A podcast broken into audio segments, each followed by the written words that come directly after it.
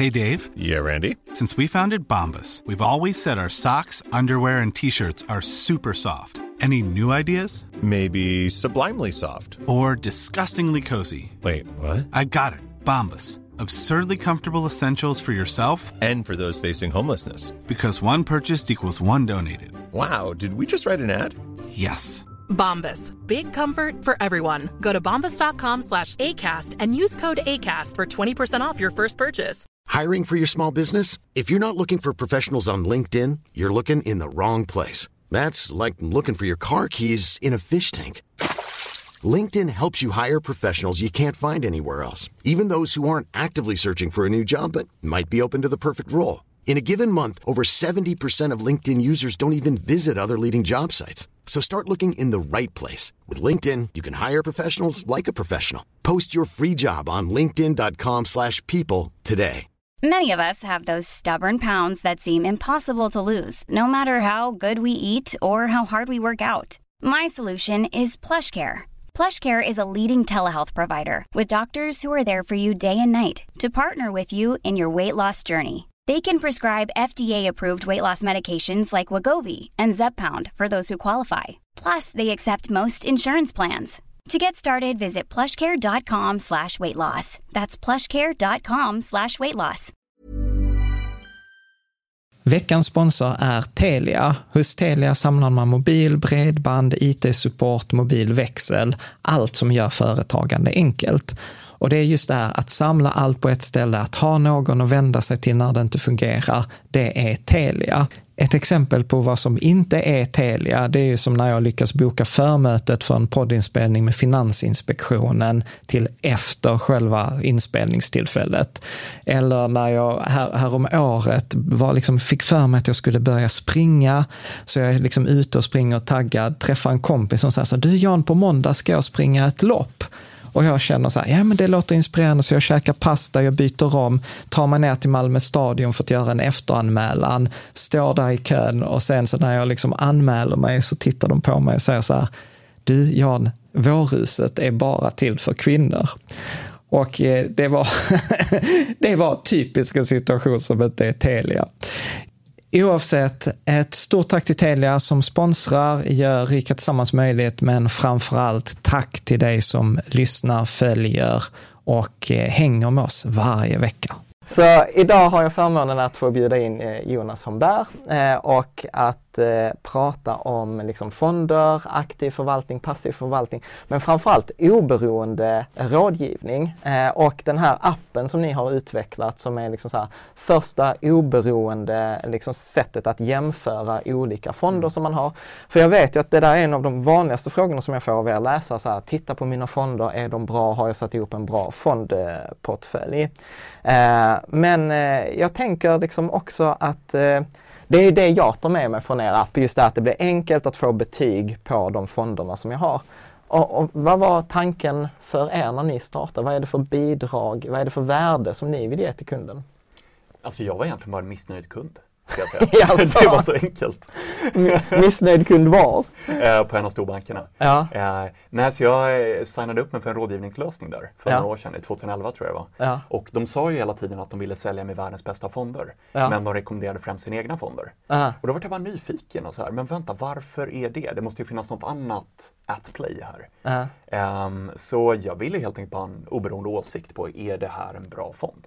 Egentligen. Och hur, hur, gjorde, hur gjorde du då? Eh, Jag började bara läsa massor, massor, massor. För grundfrågan där är ju vad är en bra fond? Och det är ju det är så lätt att säga att ja, men den har gått plus de senaste åren. Men det är ju inte att den är bra bara för det. Plus jämfört med vad till exempel. Mm. Så det var mycket, mycket saker jag kände att jag började lära mig först. Så jag försökte egentligen bara lösa mitt eget problem. Ja. Och eh, för att förstå, har jag bra fonder? Ja. Och då tänkte vi att, men vänta, jag löst det för mig själv. Eh, Kan vi göra det tillgängligt för andra? Och hur, hur löste du det? Vad landade du i? Vad är en bra fond? Absolut. Eh, så det kom ju väldigt mycket ner till, först lägger vi på ungefär 12 stycken hygienfaktorer kallar vi Mm. dem. Så det är typ, är det en tveksam domiciliering? Alltså är den här ett land där det är väldigt svårt att få insyn? Mm. Lyder den under något regelverk som kan göra det tveksamt om man kan verkligen förstå vad fonden äger? Egentligen bara dolda risker. Mm. Eh, men efter vi tagit bort det kommer ner till låga avgifter, God Mm. riskspridning och en god möjlighet att följa marknaden som den investerar. För, för att jag, jag var inne på, på er hemsida så har ni, jag vet inte vem er det är som har skrivit det här white paperet. Mm, Eh, Anders. Anders ja. för, för, för det tyckte jag också var ganska spännande att ni är ett ganska roligt team. Alltså när man läser på hemsidan, det är ju inte du själv som har gjort detta utan ni är fem, sex Ja, personer. precis, sex personer. Ja. Så hur, hur, liksom så här, vad är er drivkraft? Vad hur kom ni ihop? Mm. Så en av mina kollegor hade jag jobbat med innan. Ja. Så vi kom lite från samma vinkel där bara, att vi hade samma dåliga erfarenheter. Ja. Eh, Anders och eh, Anna hade jobbat snarast inom finansvärlden. Ja. Mycket. Eh, så Anna har ju varit på bank i 24 år. Ja precis, för jag hörde, jag hörde något avsnitt med henne på, på Sparpodden, Ja. tror jag det, eller Börspodden, där hon liksom berättar om just den här liksom karriären på banken och att, att eh, också det här oberoendet var Mm. svårt. Men innan vi, vi, jag tänker vi ska absolut prata om oberoende och, och liksom så här finansiell rådgivning. Men, eh, men jag tänker så här, eh, ni brinner ju lite som jag det här med effektiva marknadshypotesen, det som Pharma fick Nobelpris. Mm. För någon eh, liksom så här, som inte har läst ekonomi, vilket är roligt, ingen av oss har gjort. liksom så här, hur, skulle, hur skulle du förklara det? Vad är liksom grundtesen i ert, liksom er filosofi? Alltså den absoluta grundtesen, om vi backar några steg, är Ja. att aktiv eh, förvaltning inte lönar sig. Jaha. Om vi Vad skönt att du säger det. Det är också jag som har hävdat det länge. Men berätta, hur, hur, är, hur är din syn på det? Ja, nej men ska jag vara helt ärlig, jag Ja. kan inte ens förstå att detta är en debatt längre. när, vi har, skönt. när vi har all samlad eh, forskning som är seriöst genomförd och Ja. inte sponsrad, Ja. som säger att aktiv förvaltning inte lönar sig. Ja, Eh, jag har svårt att förstå hur det ens kan pågå en debatt fortfarande. ja, Och grundargumentet där är ju, om du frågar mig personligen så är det så, jag vill inte säga att alfa inte, det vill säga överavkastning, inte finns. ja, Men jag säger att det är för dyrt att hitta det. Ja. Så även om det finns vissa fonder där ute som kanske överpresterat under en period och vi lägger på statistisk signifikans och allt på det där, Ja. så finns det ingenting som säger att de fortfarande kommer göra det. Nej, Eh, för jag tror att jag läste i ert white paper så skrev ni så att eh, i, genomsnitt så underpresterar en, en aktivt förvaltare med minus 0,81 eh, Mm. procent. Och det stämmer väl ganska väl med de rapporter jag läst från Morningstar som pratar om 1,1 Ja. procents under. Så att det, det ligger ju runt 1 procent. Vilket jag ibland i mina mörka stunder kan tycka så här, väldigt märkligt att det är 1 procent. Kan det ha något med fondavgiften som ligger på ungefär 1 procent? Eh, Eller hur? Att, att det, det handlar ju om att det är svårt eh, att prestera. De flesta fonder presterar ju som index Mm. över tid. Men den vanligaste invändningen som när jag har skrivit krönikor på den så säger man att ja, men titta på Warren Buffett. Han har ju liksom så gjort 22 procent eller Peter Lynch Mm. med Magellan-fonden. sånt. Vad, vad säger du till, till de som säger så till dig? Warren Buffett är ju ett väldigt intressant exempel. Ja. För han, nej han har ju väldigt mycket sin värdeinvesteringsfilosofi. Eh, och sen applicerar han ju en viss hävstång på det. Ja. kan han göra via sina försäkringsbolag. Ja. Och om du tar ett värdebolagsindex Ja, och du lägger på samma hävstång på det över samma tidsperiod Ja. så har du ungefär Buffetts avkastning. Det är så? Ja. Ja. Nej precis, för det, för det där har jag också läst. Jag läste någon, jag vet inte om det var Petrusco eller var någon, någon annan så här ekonomibloggare som skrev det att ja, Warren Buffetts hemliga knep är ju så här att han lånar pengar Exakt. sjukt billigt. Verkligen så här, folk kastar pengar på honom. Mm. Liksom. Och jag tror, tror fan att man har en bra avkastning, man köper upp hela bolaget för gratis eh, pengar. Liksom. Eh, men eh, så att liksom, eh, men en, en fråga som jag funderar på ibland, eh, det är så här, men om alla skulle investera liksom, i indexfonder, för det är ändå någonstans, tror man på effektiva marknadshypotesen, att man tror att marknaden eh, är, liksom så här, det går inte att få en edge, då Mm. borde ju alla investera i indexfonder. Men om alla investerar i indexfonder, då borde ju aktiv förvaltning fungera. Vad tänker du? Det här är ju väldigt debatterat. Eh, ja. ska jag vara helt ärlig så vet jag inte riktigt. Ja. Eh, så mycket jag kan säga att jag vet är att i Sverige har vi, rätt om jag har fel, här, men typ lite över 10 indexfonder. Ja. Någonstans. ja, ungefär skulle jag säga. 10-15 kanske någonstans Ja. där. USA ligger på ungefär det dubbla. Ja. Så vi vet ju att upp till den nivån så är det i varje fall inga problem. Mm. Och jag har läst vissa så här forskning på det där de säger att upp till 70, 80, 90 procent så skulle det fortfarande funka. Ja. Eh, men, men jag vet inte eh, i all ärlighet. Jag kan bara säga att jag tror det finns tillräckligt många som är intresserade fortfarande av att alltså, verkligen försöka trada, agera på det. Ja. Så att jag tror alltid det kommer finnas en aktiv marknad att följa. Ja. Alltså en, en sak som jag funderar på, eh, och detta är liksom så lite off topic, men jag skrev en artikel som hette så här, eh, investerar du för att ha roligt eller för att tjäna pengar? Mm. Och jag tror lite så här, varför många håller på med de här aktiva fonderna eller om man håller på med att investera i aktier själv handlar egentligen mer om att man är ute efter den känslomässiga resan. Att man tycker att det är roligt att få följa med på Fingerprint eh, upp och sen kan man berätta att man har tjänat massa pengar. Sen när det har kraschat, ja då kan man berätta hur synd om en det är. Man har liksom varit med, du vet jag var med om den där kraschen är på 50 procent, nu köper jag mig. Ja, så, det blir en story. Ja. Vad, vad, tänker, vad tänker du om det? Väldigt mycket samma sak. Eh, Ja. nej, vi, många brukar missförstå oss i Opti och tro Ja. att vi tycker att alla ska köpa indexfonder. Ja. Eh, vilket inte är fallet, utan vi vill ju framförallt göra folk medvetna på vilka risker de tar. Eh, så om du tycker om att det, alltså om du tycker det är roligt att det är en hobby att hålla på och titta på bolag och aktivt handla, så för guds skull gör det. Men kanske gör det med en mindre del av ditt sparande. Hur stor, 100%. hur, hur stor del tycker du att man ska göra då? Vi brukar vara riktlinje 10% ungefär. 10, ja, och så 90 procent. Alltså det, det är roligt, detta är precis vad jag brukar säga. Man kan nästan tro att vi har pratat om det här i förväg. Vilket vi inte har. Nej. eh, precis. Men om, om du säger så här, eh, vad är din erfarenhet då att spara gör, tar för risker eller gör, gör vanliga misstag? Vad skulle du säga då? Alltså det viktigaste man missar är väl att man tar en risk man inte är bekväm med. Ja, skulle jag säga. Så det, alltså det vanligaste misstaget tror jag bland investerare i stort är att man tenderar att gå in i marknaden när all media börjar skriva att nu går detta fantastiskt. Ja. Så när Fingerprint Cards är på den kurvan, Ja. då går folk in. ja, Eh, och sen så går det upp till någon form av topp och sen börjar folk, saker gå ner rejält. Potentiellt. Vi har en korrektion, helt naturligt. Och när det är då på botten och DI sitter och skriver att nu har vi jordens undergång härnäst. Ja. Liksom. Eh, och det är då folk säljer. Och då blir dessvärre effekten att man går in och ut på precis fel tillfällen. Så det vanligaste misstaget tror jag är att man följer för mycket. Att man försöker tajma marknaden. Försöka tajma marknaden och följa allmän panik eller hype. Ja. Jag kan faktiskt lägga in det här i, i videoklippet, men jag har, jag har gjort en sån här sammanställning på fond, eh, Fondbolagens förening. Ja. De sätter ju in så här inflöden på marknaden, utflöden. Eh, och så, kan, så har jag matchat det mot indexutveckling. Ja. Och jag kan säga så här, det är, det är så här 95% negativ korrelation. Att skulle man bara göra så här tvärt emot vad svenskarna gör så hade du haft en bättre, bättre avkastning. Exakt. Och Liksom. så fatta mycket pengar vi hade tjänat om vi bara körde buy and hold. ja, nej, men precis, precis. Men nu om vi ska hoppa lite till dig. Du har en ganska spännande bakgrund här när jag satt och började googla dig. Att eh, du hade ett gammalt företag som heter Jcat och som till och med nämndes här på Oprah Winfrey. Tyckte jag läste i en artikel. Kan du inte bara berätta kort? Det är super, du är superspännande. Absolut. Eh, nej, så vi byggde teknik för att redigera video. Ja. Så egentligen så var det en eh, videoeditor, men som man kunde besöka direkt i en webbläsare. Ja.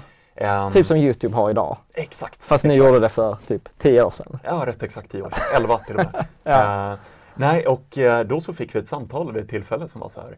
Ja, vi representerar ett, en större talkshow i USA. Ja. Eh, och vi upptäckte att många personer som laddar upp video till oss för de vill komma med på showen och sånt där. Ja. Eh, den videon ser inte så himla bra ut. Ja. Skulle ni kunna licensiera ut ert verktyg till oss? Ah. Eh, och vi var så här, ja men absolut, vilken talkshow rör det sig här? De bara drog på att berätta vilken talkshow det var. Ja. Eh, och efter ett tag så fick vi, lyckades vi delvis klura ut själva att den här Allegra vi talade med var hon som är Oprahs högra hand i det fallet. Så nej, och helt plötsligt så sitter vi där, ser ett då litet klipp ur Oprah Winfrey när hon sitter och presenterar vårt verktyg. Ja. Och det var ju så här, okej, hålla is i stolen och blåsa på servrarna. Det var... Shit, ja, ja, det tänker man inte på men det måste, det måste ha haft enorm spik liksom. Det, det var lite lätt galet. Ja. Eh, och det var ju på den tiden, idag, ja, nu ska vi inte börja tala för mycket idag, men idag kan man ju hyra Jo, jo, eh, molnlösningar. Precis, liksom. molnlösningar. Ja. Det fanns ju inte då. Nej. Vi byggde ju vår egen. Ja. Nej, skitroligt.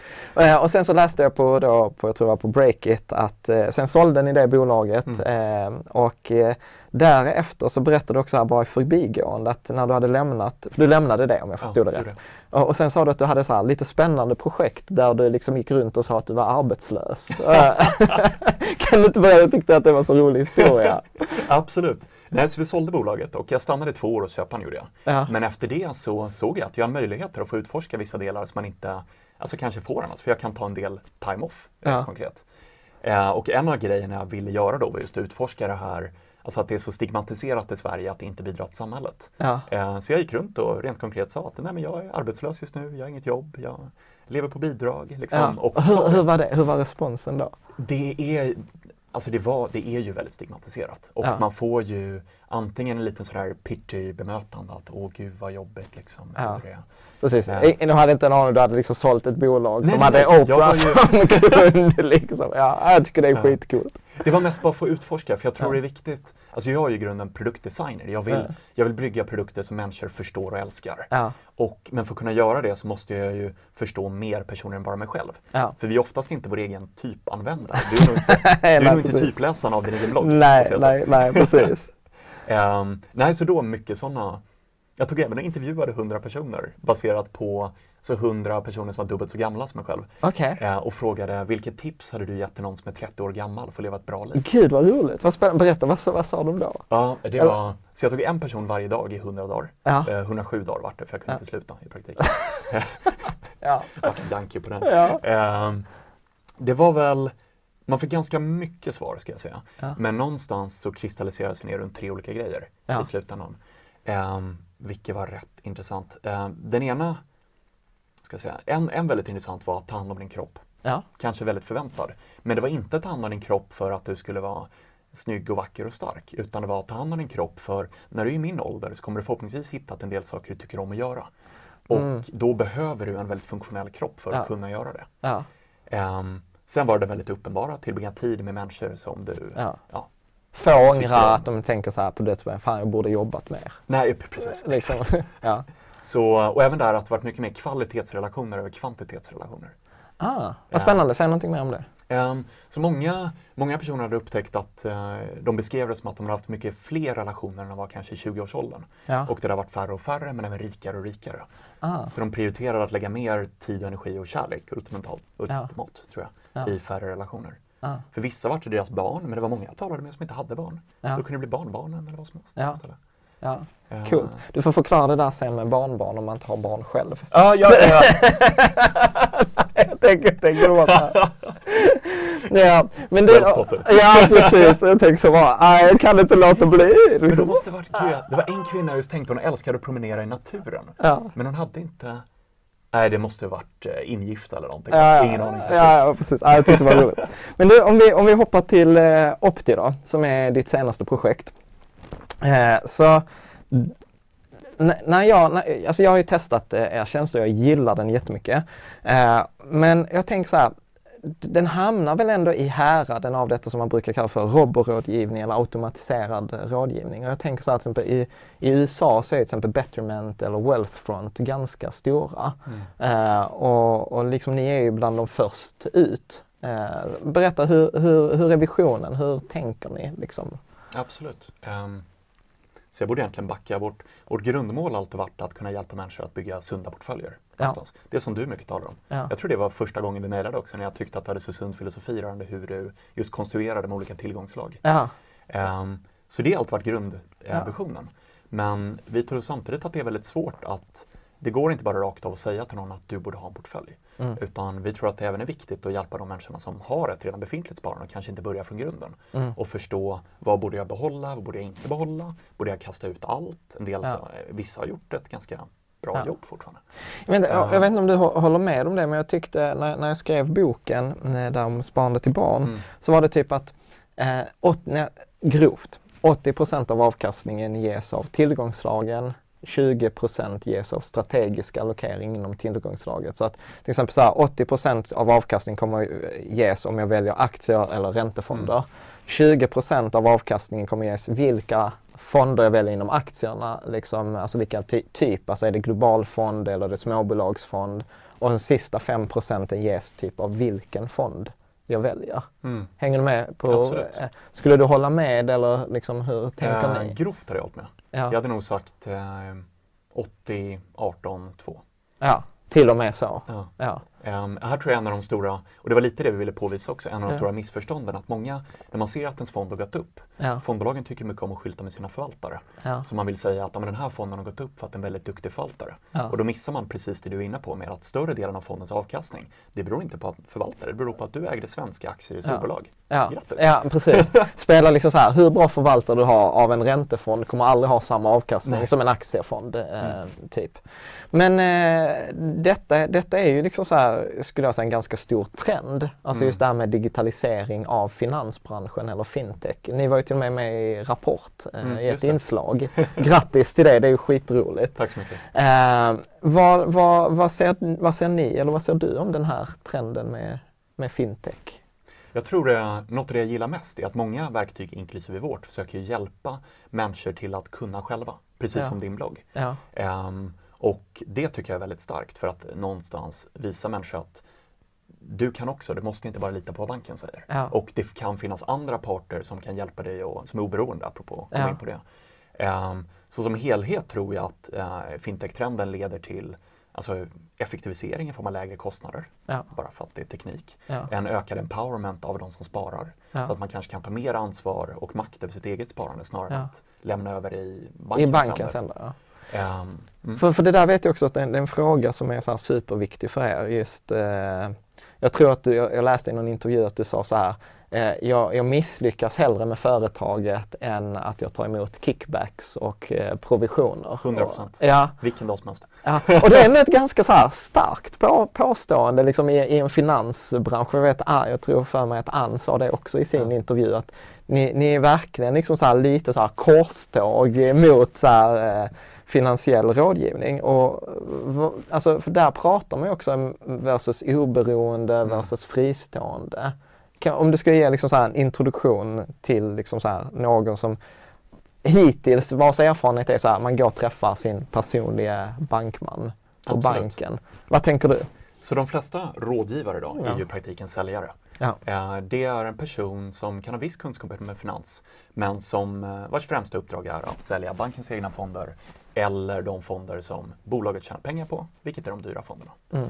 Eh, Sen har vi de som är fristående, Ja. vilket i praktiken fortfarande i regel är säljare. Men det är säljare som, eh, ja de kanske säger att de har ett större fondunivers de tittar på. Men i slutändan så rekommenderar de bara sina egna fonder väldigt Mm. ofta. Det finns ju vissa välkända eh, tjänstepensionsbolag som Mm. gör det, bland annat med dubbelnamn. ja. Ehm, Behöver inte nämna vilka.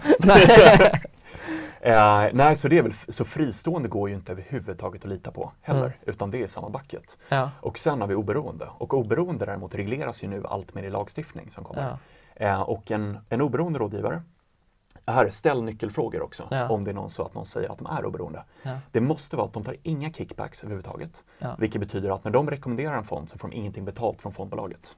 Eh, nummer två är att de har inga egna fonder Ja. överhuvudtaget. Ja. Eh, så eh, du, du får inte ha något eget du överhuvudtaget kan sälja. Ja. Ehm, och eh, nummer tre att du måste titta på ett tillräckligt stort fondunivers.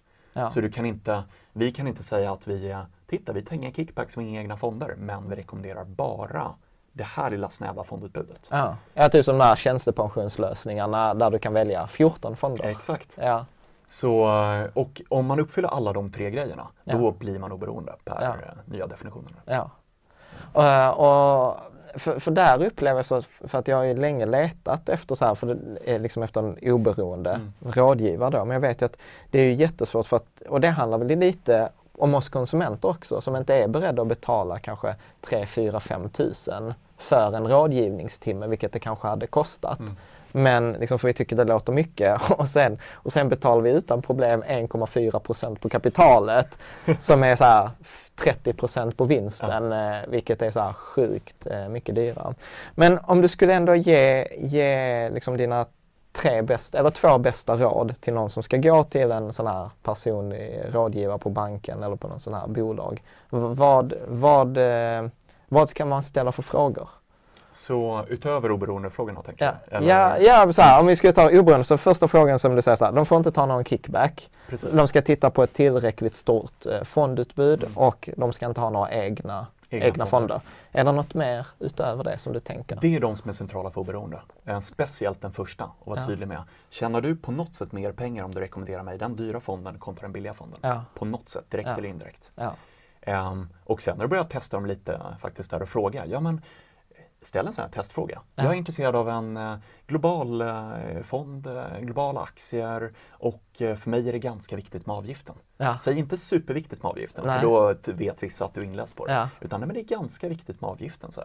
Se då, kommer de och lägger in ja, SPP Global, Ja. eh, 03, Länsförsäkringar eller Ja. någon av dem. Eller kommer de ändå försöker yxa in en 08-fond, 09-fond, Ja. 1-2, Ja, någonstans där. Så eh, det är något fishy. Är- exakt, ja, exakt. ja. Eh, och ibland så kan det vara så att de är oberoende. Så eh, jag, jag bytte från den här stora banken jag hade till en rådgivare som verkligen var oberoende. Mm. Men då fanns det fortfarande så pass mycket arv av att de ansåg att de kunde plocka ut bättre fonder. Mm. Och då landade vi ändå ofta i ganska dyra fonder. Mm. Så se till att de är oberoende. Mm. Se till att de verkligen tycker att kostnad är viktigt och på allvar rekommenderar fonder som är rätt billiga. Mm. Och sen är det ju att börja se Så vad, vad tycker du, eller också i, i, Opti, för att jag vet ju att det är en av de faktorer ni kollar Mm. mycket på avgiften. Vad tycker du är en rimlig avgift för en eh, fond? Det beror helt på vilken eh, kategori av fonder det är. Om vi skulle ta till exempel en aktie, global fond. En global aktiefond skulle jag säga att eh, den borde förmodligen vara under 0,4. Mm. Skulle jag säga. Det finns ju vissa andra. Vi tycker, ju, vi tycker att kostnad är väldigt viktigt. Ja. Men vi tittar även väldigt mycket på diversifiering. Mm. Så du kan ju få en bredare eh, global fond, eller vi kan vända på det. Du kan få en billigare global fond som kanske innehåller 1000 bolag. Mm. Men om du betalar ett fåtal eh, 0,05 procent till Mm. så kan du guffa upp det till säg, nästan 3000 bolag. Mm. Så det är där vi även försöker vara väldigt noga med att kostnad är viktigt, men det är Mm. superviktigt att få en god riskspridning, en god följsamhet och alla de här dolda riskerna jag talar om. Mm. Så, Du har ju återkommit till de här dolda riskerna ett par eh, gånger. Vad, Mm. vad tänker du eh, som några exempel på dolda risker? Absolut. Eh, regelverk tycker vi är väldigt viktigt. Eh, Mm. Vi föredrar eh, fonder som lyder under nu ska jag, jag vill inte bli för teknisk. Ja, ja men kör, kör på. Vi Ja. ser. Bli teknisk så fattar jag inte så avbryter jag det. Ja, nej, men absolut. Det, det, eh, så dels föredrar vi fonder som har väldigt god insyn. Ska Ja. jag säga. Vi gillar till exempel inte fond i fondstrukturer. Det är inte att fond i fonder måste vara dåliga. Eh, Mm. Det är inte så att alla är dåliga på något sätt. Men de gör det mycket svårare att se in vad de verkligen äger. Och det, Mm. alltså trans- avsaknad av transparens är ett problem. Mm. Samma sak med hedgefonder Ja. som ett exempel. Ehm, och eh, utöver det så föredrar vi värdepappersfonder som det kallas, som lyder under vissa EU-regelverk för att få vara en sån. Mm. Vilket är att Är det det som kallas UCIT? Exakt, eller- UCIT-fonder. Ja. Ehm, motsatsen till det är AIF-fonder eller specialfonder. Mm. Eh, då får de ofta mycket mer flexibla mandat på vad de får och inte får göra. ehm, med mera. Det är återigen transparens i ett Ja. problem. Så benar vi ner det. Du vill ha en, ett regelverk som tvingar dig till viss öppenhet. Mm. Du vill ha en faktisk struktur i fonden som tvingar dig till öppenhet. Mm. Du vill att den här fonden finns i länder där det finns ett bra övervakningsorgan. Mm. Ehm, Men de där, när du berättar så tänker jag så här att it makes sense och samtidigt så tänker jag så här, jag brukar ändå så en gång om året plocka fram så här, vad jag tycker så här bästa fonderna. Mm. Men alltså det där är ju faktorer som är jättesvåra att ta reda på. japp. Eh, hur, hur gör ni för att ta reda på alla de här sakerna? Sitter ni och kollar varenda fond eller? Ehm, ja, igen, Det är essentiellt. typ. Så, så i grunden, vi är ett IT-bolag. Ja. Eh, ett IT-bolag men där finansen är ja, avgörande, får Ja. säga. Ja. Eh, men det leder till att vi tacklar hela den här problematiken på lite annorlunda sätt också. Ja. Så i praktiken så hämtar vi in data på 3600 fonder Ja. eh, varje natt och sen Ja. så står våra server och crunchar det under varje dag. Ja. Och sen tittar vi på dels hur allt sånt här uppfylls och om någonting förändras. Ja, precis. Ja men så det handlar egentligen bara om att, att göra detta. Det går att ta reda på om det bara handlar om att göra det på ett effektivare sätt. exakt. och, så, och, och där säger den så här, okej men vi, vi gör det för många, vi hjälper många att ta reda på detta på, på ett enkelt sätt liksom, via telefonen. Eh, bra. Eh, och ni, ni var ju, jag såg också att ni var ju, gjorde en paneldebatt med, med Morningstar. Ja, tror jag absolut. Japp. Eh, och där vet jag också, jag läste, jag tror det var på er blogg, där jag läste så att det, var, det handlar om tre, tre poänger du hade, eller tre punkter. Att det handlar om att gynna kunden, att det skulle vara mer än en kostnad och att eh, fintech-branschen, det skulle få ta tid. Mm. Så kan du inte liksom så här, vad, vad, vad tänker du där? Till exempel gynna kunden. Där är ju detta, detta är ju så trivialt, så självklart tycker vi andra industrier. Ja. Alltså om du köper någonting så vill du att det tillför ett värde. Ja, Eh, men så jobbar ju inte en stor del av fin, eh, finansindustrin idag. ja. Där, Vilket är helt sjukt egentligen. hur? och resultatet blir att vi sitter där 30 år senare och får Ja. väsentligt mycket sämre pension Ja. och liknande. Alltså, ja, don't get me started. Det är Ja, därför jag gör detta. ja, vad bra. Eh, nej men så, Alltså förlåt, jag ska göra en sån notering här. Pension ska vi prata om. yes, let's. ja, precis. Eh, nej men där, och bara starta ett finansbolag med en sån grundläggande inställning som att om vi inte kan göra någonting som är bra för kunden så ska vi inte göra något. Ja. Eh, och det är här det kommer ner till, men återigen, lågkostnadsfonder, att visa saker som folk inte känner till innan, de här dolda riskerna just. Ja. Eh, det är väldigt, väldigt svårt för folk att hitta själva. Ja. Ehm, och de andra delarna, nu ska jag se, vilken var den sista poängen? Eh, det är att ta tid. Just det. Den tror jag, det finns, som är mycket teknikdriven industri så finns det en förväntan på att saker ska gå jättefort. Mm. Typ att nu lanserar vi detta och om två år så kommer vi ha 100 000 användare. Ja, Eh, det tror inte jag är fallet. nej. Utan det är, det är, det är en förändring av Sveriges största industri. Mm. Jag, rätt om jag har fel, men jag tror finans. Ja, ja, absolut. Oproportionerligt stor är den i alla fall i Sverige. Och det, det kommer ta tid och det kommer ta, verkligen ta tid. Jag tror det är mycket en pedagogisk utmaning. Ja. Och det är därför jag är så glad att vara här och det är därför Ja. jag är glad att du skriver en blogg du gör. Ja, för att just förklara för människor där att men typ, en dyrare fond är inte en bättre fond. Nej, nej Det- precis. Det precis. finns många sådana intuitiva grejer som vi vill tro. Eh, köper en dyrare bil får man inom vissa ramar en bättre bil ofta. Ja.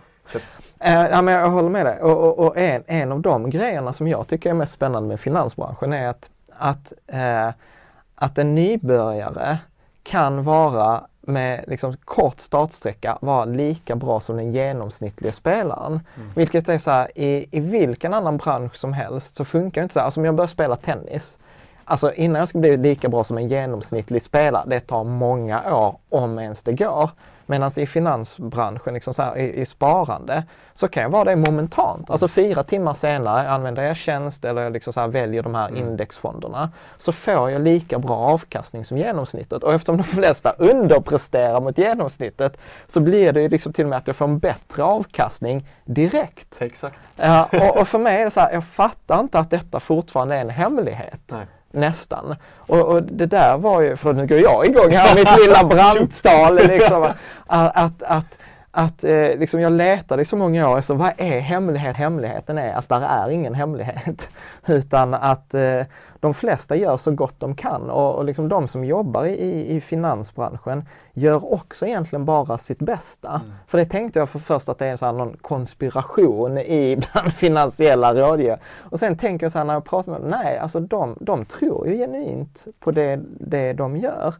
Och, och jag har ju sett massor av så här skräckexempel med människor som har liksom dyra, dyra fonder. Jag vet att du berättade också att du hade pratat med någon mm, kvinna som hade med barnen eller vad det var. Ja, gud ja. Nej, det var rätt nyligen. Ja. När, nej, precis. Hon, hade, hon använde vår tjänst för att hitta vilka fonder hon skulle byta till. Ja. Men sen ville hon även byta dotterns fonder. Ja. Eh, men eh, dottern var ja, mindreårig, jag kommer inte ihåg hur Mm. gammal. Eh, och det var, ledde ju till att det var både mamman och pappan som behövde Skriva på. Exakt. Och pappan vägrade därför att han var så med på att dyrare fonder var bättre. Vilket ju är en av de största lögnerna. Som Ja, vet. Så, precis, Så han vägrade gå med på att byta. Och det där kommer ju leda till att hon kommer ju ha, nej men hennes bostadskonto kommer ju vara mycket, mycket, mycket lägre. Ja, precis. Nej, men, och det är ju det, det, det handlar ju som jag tror så här, fatta verkligen så här, ränta på ränta Mm. över tid. Säg vad man vill om bankerna, men ränta på ränta fattar de. Gud ja. Verkligen med det. Men, jag- men jag tänker eh, några, några andra sådana här grejer. För att ni var ju också med i den här eh, granskningen av Allra Mm. i Svenska Dagbladet. Berätta, hur, hur, hur blev ni kontaktade och vad, vad fick ni göra? Nej, men vi, vi kommer från en intressant vinkel där vi är Ja. som sagt ett IT-bolag Ja. och vi sitter ju på väldigt, väldigt mycket data om fonder Ja. som vi även behandlar väldigt aktivt. Och då fick vi, fick vi frågan från de väldigt duktiga journalisterna på SvD som höll på att gräva i detta. Mm. Att okej, vi skriver ju massa om Allra Mm. och en hel del av de grejerna visar ju att det, det finns en del tveksamheter i det här bolaget. Men leder det till att människor faktiskt byter? Mm. Så vad vi hjälpte att titta på var att titta på netutflöden. ur Okej. Allra, eller inflöden för den Ja. delen. Och titta på, och då räcker det inte med att bara titta på fondvärde och sådana delar för det styrs av värdet i portföljen. Mm. Ja. Utan verkligen titta på in och utflöde. Så Och vad, vad såg ni? Eller så här, vad var slutsatsen, vad var poängen? min största slutsats jag tar med mig från det är Ja. hur lång tid det tar till att människor faktiskt börjar byta. Det är så för, ja. Absolut. Nej men för Emelie och Joel där på, på SvD, de gjorde ett fantastiskt jobb i att liksom successivt visa hur många problem det fanns i det här fondbolaget. ja. Eh, men även det, även efter så här fem artiklar med Ja. mera, så är det inte så att folk direkt rusar till att byta. Nej. Detta. Utan det krävde mer och mer och framförallt när det då började komma så här dom, alltså domstols, Ja. att det började öppnas ärenden mot dem och de sparkades ut också Ja. från eh, Från pension. Exakt. Eh, det var då det började hända saker. Ja. Eh, så vi kan tro att vi får en förändring om vi skriver något tio gånger. Nej, nej, nej. Pröva hundra. Ja, nej men precis. Eh, och, och, och där tänker jag också, när man tittar på er, så jag, jag som gillar liksom så entreprenörskap eh, och så här, så vad är, vad är haken med vad, hur, liksom så här, vad, vad kostar er tjänst? Mm. Liksom var, eller så här, vi, jag har ju sagt att det är gratis, men var tjänar ni pengarna? Mm. Så vi tjänar pengar på om du vill byta med hjälp av oss. Mm. Eh, rent konkret. Så det är gratis att, appen är gratis. Mm. Eh, det är gratis att hämta in sina fonder, få se vad man har, eh, jämföra dem. Så den här hälsokontrollen där jag kan se liksom så status på, det, det är gratis? Absolut, 100%. Eh, och det är ju någonstans, så vi funderade faktiskt på om vi skulle ta betalt för appen. Nu Ja. får du hela insider-storyn här. Men Ja. vi funderade på om vi skulle ta betalt för appen. Ja. Men vi kom ju ändå in i detta med någon form av grundmål att vi vill förbättra hur alltså folks sparande och Ja. hur finans funkar. Ja. Så okej, då lanserar vi en betalapp. Ja. Eh, men vi kanske bara når en tiondel så många personer. Ja. Kan vi då istället lägga ut den här appen gratis, nå Mm. tio gånger fler personer och då kanske vissa personer byter fonder själv. Ja. Fair enough. Men för de som inte orkar med det så löser vi det åt dem. Ja. Så, Och, och ko- kommer ni gå, eh, nu kommer kanske min okunskap här, men ni, för du pratar också om att ni gillar ju det här portföljtänket. Mm. Kan ni hjälpa till att sätta upp en portfölj och sen hålla balansering och sådant? Snart. Snart? Väldigt snart. Ja. Och det är andra delen. Så idag så tar vi betalt för bytena. Ja. Det kostar ungefär som en biobiljett, 145 kronor. tar vi Ja. betalt. Eh, och när vi lanserar portföljen så tar vi då ett, ja, ett förvaltningsarvode egentligen. För att se till att eh, dels att sätta upp den, eh, men sen att sköta löpande balansering så att det behåller samma risknivåer. Mm. Eh, och inte minst under här, vi tittar ju sagt på hela svenska fonduniverset på en daglig basis. Så vi ser ju även när, ah, nu kommer det en mycket billigare global aktiefond. Ja. Men då säger vi till att se till att det är den du har i portföljen. Och jag fattar att eftersom ni inte har lanserat detta, men var är ambitionen, vilket är spann att det ligger i avgift? Eh, lågt Ja. är ju grundgrejen. Eh, det finns en Vi tror väl vi kommer landa ungefär runt en halv procent Mm. skulle jag säga. Eh, Om du väljer att göra det via oss. Ja. Eh, sen så vill vi ju, det är ju samma filosofi där, vi ger ju all information, vi visar ju dig portföljerna. Ja. Så du kan göra det själv. Men vi tror att många personer kommer tycka det är för jobbigt att sitta och hålla på med sina Excel-ark och rebalansera och sånt. Och, Mm. Och hur ofta, hur ofta tycker ni att man ska ombalansera? Det där är en delikat fråga. jag vet, det är därför jag ställde så här lite smygare liksom. Eh, vi har tittat mycket på Vanguards forskning där. Ja, ska jag säga. jo, jag vet. Jag har läst Ja, samma vi studie. Ja, ja. ja, men för den som läser, för det är inte alla som är nördar som sitter och läser Vanguards studier. Nej. Så vad, om- hur skulle du återge den? Eh, vi hade siktat på att göra ungefär kvartalsvis. Ja. Eh, anledningen till det, Vanguard säger väl att det är en fara med att göra det för ofta. Mm. eh, av många olika anledningar. Eh, en sån intressant anledning är ju att eh, du ser närmare en topp att det ofta sker en liten slutrush. Ja. Det balanserar hela tiden så Ja. tenderar man att missa den, Ja. ja. slutet av en topp. Eh, men gör man det väldigt, väldigt sällan då kan man ligga helt fel exponerad under längre Mm. perioder också. Ja. Så Vissa skulle säga månadsvis, vi tycker Mm. det är lite för ofta. Mm. Vi lutar åt kvartalsvis. Mm. Förmodligen så skulle det funka om jag gör halvårsvis också, Mm. ganska vettigt. Mm. Nej men precis, nej men det är precis så jag tänker. Precis. Jag har inget att tillägga, punkt. liksom, precis. Eh. Det beror ju även på så här när det sker större marknadsförändringar också. Ja, så såklart. dels gör vi fasta datum, men har vi att det sker en enorm korrigering, liksom, Ja. att du blir helt, Ja. ja men då borde man göra en extra insats. Ja, precis. Nej, men det är, alltså, för mig är det så här, det handlar lite om, eh, om sunt förnuft. Mm. Liksom. En annan sån här spännande grej som jag, som jag tycker var att, eh, jag läste någonstans att ni var första fintechbolaget som fick eh, tillstånd av FI. Stämmer. Ja, berätta liksom, varför. för ni är ju inte det första fintechbolaget, men eh, ni är de första som får tillstånd. Så hur, hur funkar detta med tillstånd och vad, vad, ska, vad ska jag som kund, varför ska jag tycka att det är bra? Ja, eh, så vi är ett värdepappersbolag. Ja. Så om man ville dra någon väldigt grov hierarki på hur tunga tillstånd är, Ja. så ligger ju överst har du banker Ja. såklart. Och under det ligger värdepappersbolag och fulla försäkringsbolag. Och sen börjar komma så här betalningsförmedlare och långt där nere har vi försäkringsförmedling och lite olika. Ehm, så vi ville ju göra rådgivning som sagt. Och för att få göra det i Sverige så måste man ha tillstånd. Mm. Ehm, det finns vissa abrovinker på detta som man, och vilka bolag man ska akta sig för. Men Mm. det kan vi ta i fin Ja. Eh, nej, så vi var, så då ansöker man till Finansinspektionen. Det finns ungefär 100 värdepappersbolag i Sverige Ja. idag. Eh, och de tittar ju på varje enskilt fall. Liksom, Ja. Vad ska vi göra? Så vi var ju det första bolaget som ansökte om att göra rådgivning mer digitalt. ja. Eh, och det ledde ju till väldigt intressanta diskussioner med Finansinspektionen. Ja. För då kom, ja, Nej, kör, kör. Eh, Så vi kom in i dels en sån här grej som, alltså idag om, om man gör rådgivning, säg att du är en rådgivare och jag är en kund, Ja. då är det ett väldigt så här, tydligt förhållande. Men i vårt fall, om vår portföljprodukt här, under den så är det en algoritm Mm. och beslutsträd som har implement- alltså, byggts av en programmerare och Mm. designats som en finansperson. Vem är rådgivaren?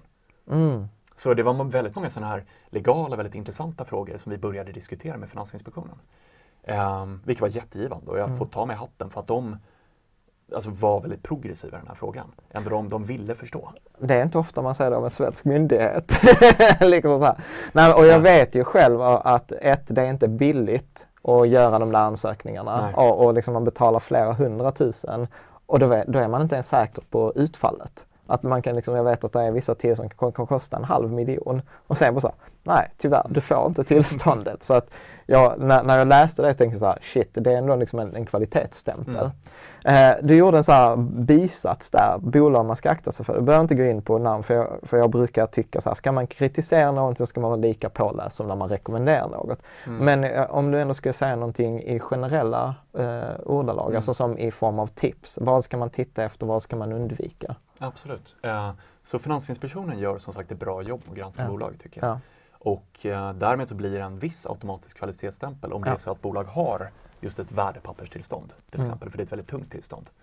Eh, men det går även att gå runt det på vissa sätt genom att man, man kan nästan säga att man lånar tillstånd från andra bolag. Mm. Man blir ett anknutet ombud kallas det.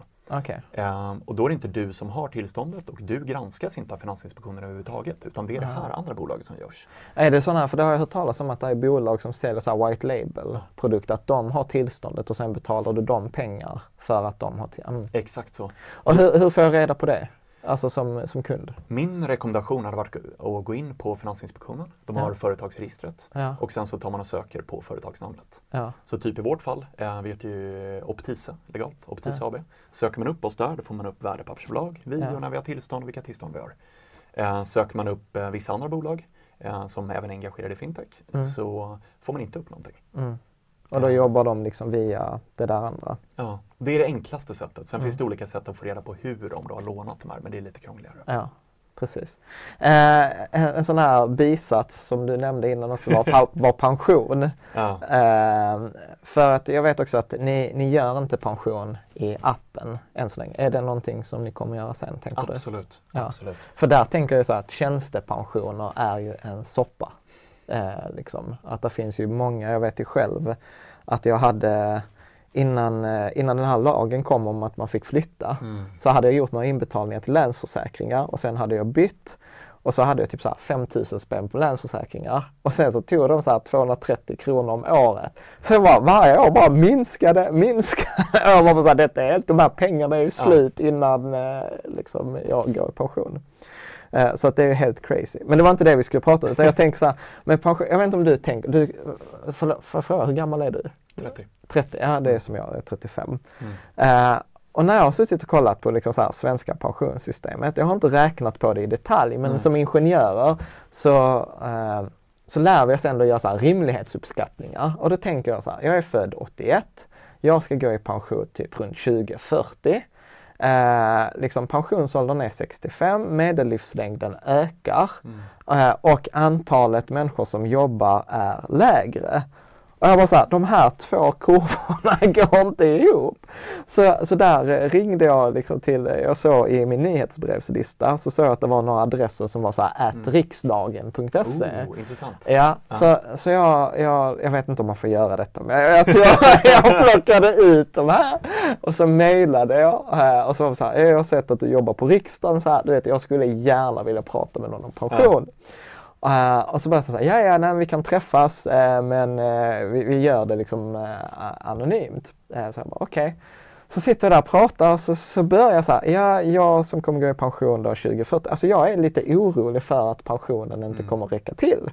Vet du den här människan bara kollar på mig och så bara skrattar han lite och så säger han så här, alltså Jan, det är inget du behöver vara orolig för, det kan du utgå från. jag bara, bara så här, och så jag bara, äh, får jag citera dig på det här? Bara, nej. Oh, jäklar! Och, det, och då blir jag så bara, Eh, och så tänker jag så här, shit, och det där är en av mina drivkrafter. Fan, vet, så här, vi behöver hjälpa människor att fixa det nu. Ja. Nu när vi är 30. För att komma på detta när man är 60, det är kört. Det är helt kört. Liksom. Så, va, va, så här, vad tänker du kring pension? Hur är din egen så här, eh, pensionslösning? Alltså, jag tror ju per det du säger att det är extremt viktigt att vi börjar ta makten över vår egen pension. Ja. Och inte bara litar på litar på att staten kommer lösa det åt Ja. oss. För som du säger, det, Ja. det finns ingen garanti för det. Ja. Ehm, nej men hur man tittar det annars, det är väl att, vi ser det som vilken, alltså att bygga en portfölj som vilken som helst. Ja. Med enda skillnaden och den otroliga lyxen att du vet att pengarna kommer vara låsta så här länge. Och det gör ju att hela den här osäkerheten annars som vi ofta behöver tampas med att eh, Ja men eh, hur stor är risken att du kommer ta ut pengarna om fem år? Ja. Den är bara borta. Ja. Och då kan man bygga mycket mer ja, En mycket bättre portfölj. Liksom. precis, en mer aggressiv egentligen. Det där är en ganska spännande eh, diskussion kring just det där med portföljen. Eh, för där är ju många som eh, argumenterar för, jag får mycket skit för att men då ska det vara 100% aktier. Och jag själv är så här, ja även om jag har långa tidsperioder så är jag så här, hellre en 90-10 portfölj. 90% aktier och 10% räntefonder. Eh, och rätt eller fel, då resonerar jag så här, okej har jag 10% räntefonder, då har jag möjlighet att ta ut kapital om jag behöver det, om något oförutsett händer. Men jag har också möjlighet att kommer den där korrigeringen på 50% så kan jag köpa på mig en större exponering eller kanske till och med belåna den. Hur, hur tänker ni? Ja, vi är för överens som vanligt för att få en bra debatt. Alltså, det är ingen debatt, bara så här, jag håller med. Nej men jag kan säga i våra, så vi, eh, som sagt till hösten så börjar vi även göra portföljdelarna. Eh, Vi gör faktiskt redan portfölj nu men för ett eh, mindre antal kunder som vi har Ja. så här börjat med. Och även i våra mest högriskportföljer så blandar vi alla tillgångslagen som är de fem som vi tittar på. Vilka tittar ni på? Så aktier, Ja. eh, obligationer, men vi delar upp obligationer i realränteobligationer, nominella statsobligationer och krediter. Okej. För att de beter sig väldigt olika fortfarande under olika marknads... Ja. Alltså under liknande marknadsscenario så Ja. krediter presterar mycket, eller presterar, de rör sig mycket närmare vad aktier gör. Ja. Som ett exempel. Eh, och sen råvaror, Ja. som den sista femte. Eh, och eh, jag kan absolut se en poäng. Alltså man sitter och bara optimerar detta. Ja. Så finns det ju absolut en poäng. Dels på grund av argumenten du säger, att kunna ta ut och öka upp sina, eh, sin aktiedel också om Ja. sin korrigering. Men även att, nej men typ råvaror. Råvaror har en korrigerande effekt mot aktier. Ja. För det är ett högvolatilt tillgångslag men med väldigt låg korrelation. Ja. Men hur tänker du till exempel, för, det, för jag är ju verkligen på så här att, att man bör sprida risker, att diversifiera, inte lägga alla äggen i, i samma korg. Men eh, så här, vad tänker du kring guld? Till exempel. Jag ska vara helt ärlig, jag Ja. gillar inte att tala om specifika. Ah, För mig är att tala om guld är som att tala om Ericsson. Okej, ja men bra. Eh, Jag köper det. Eh, däremot att tala om en, eh, tala om en bucket av råvaror. Ja. Eh, men då är vi just inne på att ja, men vi vet att råvaror presterar bättre när vi har inflationsöverraskningar Ja. till exempel.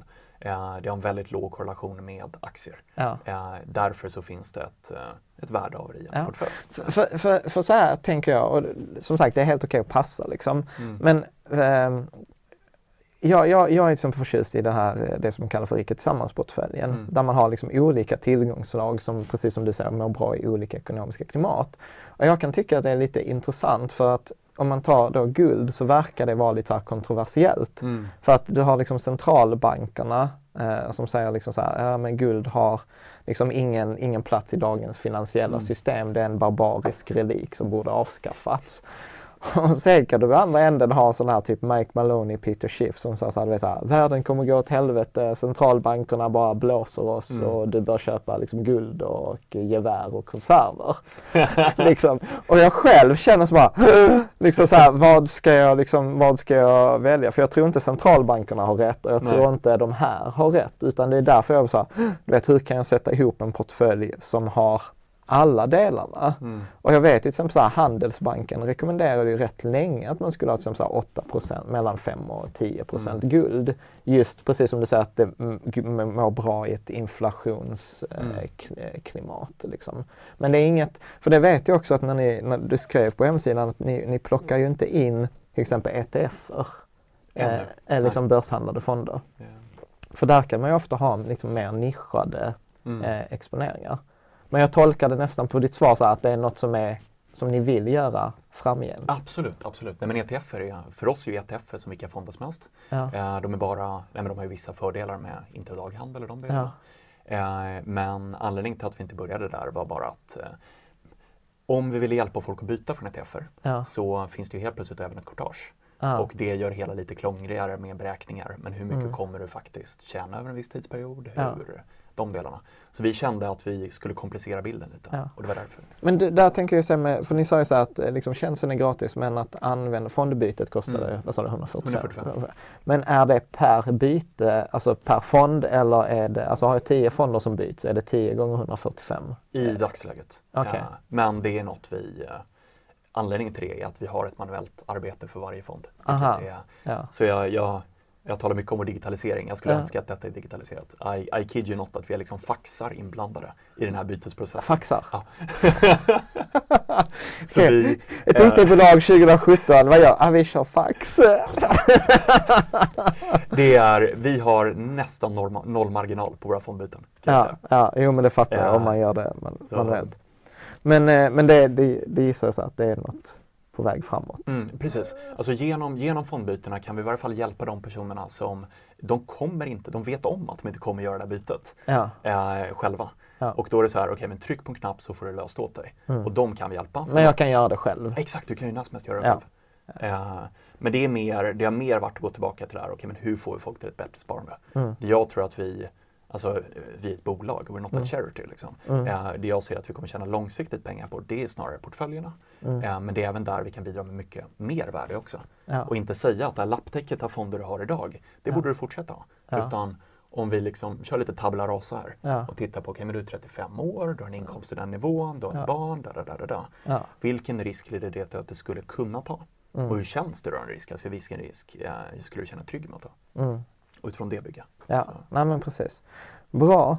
Ehm, är det någonting som du tänker så här, detta har vi inte pratat om, eh, liksom, när det gäller appen och när det gäller ett? Ehm, nej, jag tror det. Jag är glad om folk testar. Mm. Och jag är glad om folk säger vad de tycker funkar bra och även vad de tycker inte funkar bra. Mm. Så skriv bara till jonas.opti.se i så fall. Och det Eh, funkar både för iPhone och för Android? Bara Eller? för iPhone. Bara för iPhone? Köp iPhone. Så här. det är bra. Ja. Eh, Så nej men verkligen ris och ros. För Ja. detta, är, alltså detta är en utvecklingsresa för oss Ja. också. Och det är, det är något svårt att kommunicera. Mm. Ville vi göra det enkelt för oss själva, då hade vi bara gått på den gamla skolan och sagt Mm. att här, du ska ha dyra fonder som har slagit index mycket med en hög Morningstar-rating. Ja. Men vi vet att det inte är sant. ja. Men det leder till att vi sitter i en värld av problem när vi försöker förklara att Um, typ en av våra värsta ratings på App Store just nu Ja. är den här appen rekommenderar fonder som har gått sämre än mina nuvarande. Men det är en jättespännande fråga. Ja. Så berätta. Hur tänker, hur tänker du då? Nej men där, det kommer ju alltid, om du tittar på vilka som är de topp fem fonderna det senaste året. Eh, då har vi ju Ja, men, typ såhär Swedbank ny teknik. Ja, men något, sånt- något helt crazy. Ja. Så vi har ju e- ganska extrema nischade saker, ofta Ja. brasilianska aktier, filippinska, guld under sommaren. Liksom. Ja. Eh, det intressanta är när man tittar på vilka fonder som har gått sämst också, Ja. så är det precis samma väldigt nischade grejer. Ja. Och detta kommer ner till, nej men mycket, eh, jag menar allt vad Tony Robbins talar om mera Ja. i Unshakable Ja. också. Att det, det handlar ju om alltså väl diversifierade fonder med en god riskspridning. Det är Mm. inte de som kommer gå bäst, det är Mm. heller inte de som kommer gå sämst. Mm. Men de kommer gå ganska jämnbra. Mm. Och just det där jämnbra är över snittet, över Mm. en lång tid. Mm. Alltså jag måste berätta, det, detta var ju jätteroligt. Jag träffade en finansiell rådgivare och så pratade vi just om det här med liksom genomsnittet och att ha de bästa fonderna. Och han skulle sälja in de bästa fonderna. Och så säger han till mig så här, men, eh, och så, för jag pratar ju om då indexfonder, att jag vill ha genomsnitt. Så men Jan, så här, allvarligt talat, du hade ju inte gått till en läkare. Liksom så här, vill, vill du ha den bästa läkaren eller vill du ha den genomsnittliga läkaren? Eh, och, och du vet, jag var verkligen så på väg rakt in i fällan. Ja. Liksom så att ja, men jag vill ha den bästa läkaren, apropå det vi pratade om innan. Eh, och sen så bara fånga detta, det, alltså jag, jag är inte snabb i, i huvudet på sådana att man säger rätt sak vid rätt tillfälle. Men det, det där var liksom det undantag som bekräftar regeln. För då kommer jag på mig, jag hör mig själv säga så här. Ja, fast jag tar hellre en läkare eh, som är genomsnitt än en läkare som missar nio av tio gånger. Exakt! Och jag bara, "Hå? vad sa jag det? och då det är dålig stämning. Jag hoppas du skriver ner den på bloggen. Den Ja, det, ja, det kan jag göra. Eh, och och det, det bygger väl liksom på det där att vi har sån fäbless för det där som har gått bäst. Eh, och nu går jag igång här igen, men det där är ju också sån här grej som jag hatar med sån här typ börs-SM Mm. eller liksom så här topplistor på investerare på, liksom, som vissa banker har. Där jag blir så här, ja alltså det är klart att det finns eh, investerare som kan göra 70, 100, 150 procent på tre månader. Det går. Men det handlar om att göra det uthålligt. Och för skojs skull så, eh, så, så, så finns det ju de här topplistorna på nätet. Och jag brukar hålla koll på dem och så brukar jag skriva, jag brukar ta skärmdumpar så en gång i månaden. Och så jämför jag så här, är det samma person som är i topplistan månaden efter? Och det har aldrig hänt. Nej, Det har exakt. aldrig hänt. Och det är lite liksom så här, det är det jag tänker på när du berättar detta med fonderna. Att, ja, visst, det är en Swedbank ny teknik. Alltså den har ju utklassat det mesta. Men du vet om sex månader så kommer den inte vara på topplistan. Nu, nu har vi liksom hela bara senaste dagarna med Apple och alla som sjönk med liksom, eh, raset på, på Nasdaq. Så att jag tror precis som du säger, det handlar ju om att välja långsiktiga vinnare och i de här fonderna om jag tolkar det rätt, för det är precis väldigt likt mina egna, de kommer aldrig vara på topplistan. Never. Liksom. Men de kommer leverera en stabil avkastning över, över tid. Och de kommer ju naturligt aldrig vara på toppen för de är ju så pass väl diversifierade så de har mycket. Ja, men de har Apple och de bolagen också. De, eh, men bara ja, diversification is the only free lunch Ja. som det brukar kallas. Ja. Och bara genom att äga Fördelen av att äga då en bredd är ju att alla de här bolagens individuella rörelser jämnar ut sig själva. Mm. Eh, och det leder till att en, men en väldigt bred indexfond liksom får en mycket jämnare rörelse eh, i kontrast till en enskild aktie. Mm. Och eh, just med vilka som är bäst. Jag, Ja. jag brukar gilla analogin att, att vända på det. Att om, vi inte, om vi inte utgår från skicklighet utan vi tar en kasinojämförelse istället. Ja. Alltså så länge du skickar in tillräckligt många personer på ett kasino Ja. så kommer någon slå en sexa hundra gånger i rad. Ja, Det är bara fråga om hur många du skickar in. ja. precis. Och där är det så här, ja den här fonden har överpresterat i 3, 5, 10 år. Mm. Eh, jag tänker direkt på Skagenfonden till exempel. Eh, nej men precis, när de, Skagen under så här, rätta mig exakt på årtalen nu men Mm. Ja Skagen, men 10-15 år sedan. De var Exakt. grymma. de var väl lite som Didner hyllade just nu. ja, ja. Och tittar man på Skagen idag så är vi Ja. inte riktigt där längre. Nej. Nej, de hade ju både Global och Contiki och sådana som gick hur bra som helst. Exakt. Ja. Och det är där, det kan vara, och det kan ju finnas många förklaringar till detta. Mm. Det kan vara så att det var tur, mycket möjligt. Det, nej men vi kan Ja, inte utesluta Nej men det är ju det, det jag bara skrattar för jag tänker på den där eh, studien som, eh, ja det var ju många som gjorde, Harry Flam gjorde den här Ja, i Sverige. just det. Liksom så här, ja de här flesta underpresterar, de som överpresterar, ja man kan inte ens utesluta att det handlar bara om statistik och tur. Jag bara tänker, fan, fan vad jobbigt. Så folk bara, ah, du vet, jag, jag har pluggat fem år på Handelshögskolan, jag har 20 års erfarenhet. Och så jag bara så här, "Ah, jag är ledsen, du var bara den där hundrade personen som kastade tärning rätt. Liksom. En, en jämförelse jag hörde, typ man får se fondhistorik, Ja. så är det nästan så här tre månader, ett år, Ja. högt räknat fem år, extremt högt räknat tio år. Ja. En, en amerikansk studie liknande den här Harry Flam-studien var ju också att de tittade på de frågade massa, massa fonder. Ett, genererar ni alfa, överavkastning? Ja. Och hur mycket överavkastning genererar ni? Ja. En snittfonden som sa att de hade överavkastning sa att det var 2 Ja. Och sen frågade de, men hur stor standardavvikelse? De Ja. sa 6 Ja. Och kunde bara slänga in siffrorna där med månadsobservationer. Ja. Hur lång tid tar det med 2 respektive 6% i eh, ja, dem att eh, bli statistiskt signifikant? Ja. 34 år. Så Ja. Ja, och det är liksom Det är svårt att säga hur många fonder som har tur. Ja. Eh, jag, jag sitter själv inte och tror att det är alla. Nej. Men jag ser lite som typ, eh, jag är inte sportintresserad, men man hör ju folk snacka om typ amerikansk fotboll. Ja. Att det finns, eller VDR för guds Ja. skull. Vissa VDR är väldigt bra så här turnaround när bolaget har gått dåligt, man vill Ja. lyfta det. Andra VDR kan vara väldigt bra när bolaget är liksom en expansionsfas och redan rullar. Ja. Är det helt orimligt att tänka att fondförvaltare, vissa kanske är jättebra när aktier går bra. Ja. Andra kanske är bättre på att välja ut rätt ränteinstrument. Ja. De här går bra vid olika tillfällen. Mm. Så Skagen till exempel kanske, kanske genuint var jätteduktiga. I den fasen. Exakt. Mm.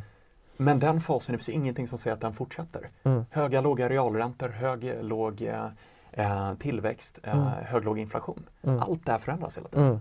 Ja, nej men jag, jag, håller, jag håller helt med. Eh, jag tänker så här om vi skulle titta på, på de sista eh, frågorna så här, som jag brukar försöka ställa till alla som jag har förmånen att intervjua. Ja. Eh, så vad ska jag säga, dina tre bästa råd eh, inom privatekonomi och sparande? Nej men börja spara tidigt, Ja. är ju verkligen en. och eh, spara då i, alltså investera, inte bara Ja. lägg eh, pengar på kontot utan Ja. lägg det då förslagsvis i billiga aktieindexfonder, globala sådana. Mm. Var det två? Ja, det är en. Det är Så här, ja, du, innan, du, var inne, precis, du var inne på månadsspar också, just Ja. att göra det regelbundet. Ja, så det blir kanske nummer två. Det då. blir nummer två, ja. Ja, Vad är nummer tre? Ehm, var modest med dina kostnader, alltså lev inte över dina egna medel. Ja.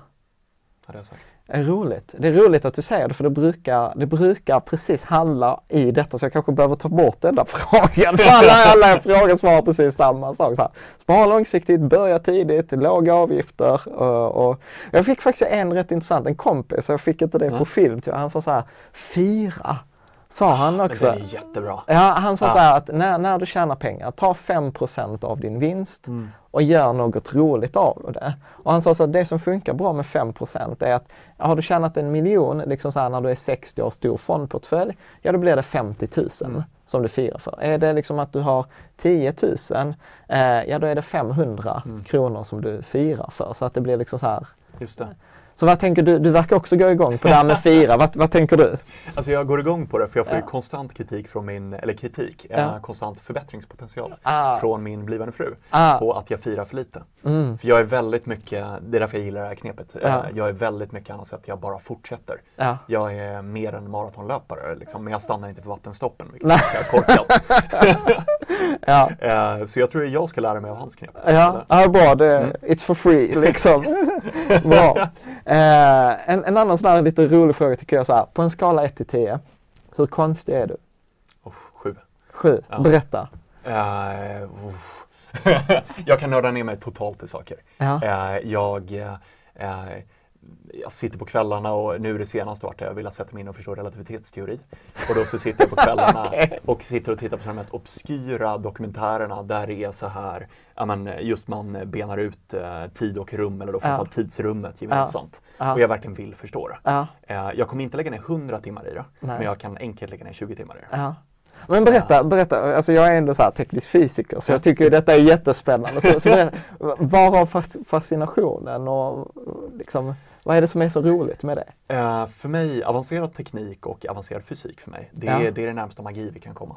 För Ah. mig är det Harry Potter. Ja, Eh, och bara att börja säga sådana här saker som att du och jag kan Ja. uppfatta tid olika. Tid kan gå snabbare för mig än för dig. ja, Det är ju något konstigt i det någonstans. Ja. Och eh, om du står på jorden Ja. och jag åker förbi dig i rymden i ett väldigt, Ja. väldigt snabbt rymdskepp ja, så kommer vi uppfatta tid olika Ja. och båda har rätt. ja.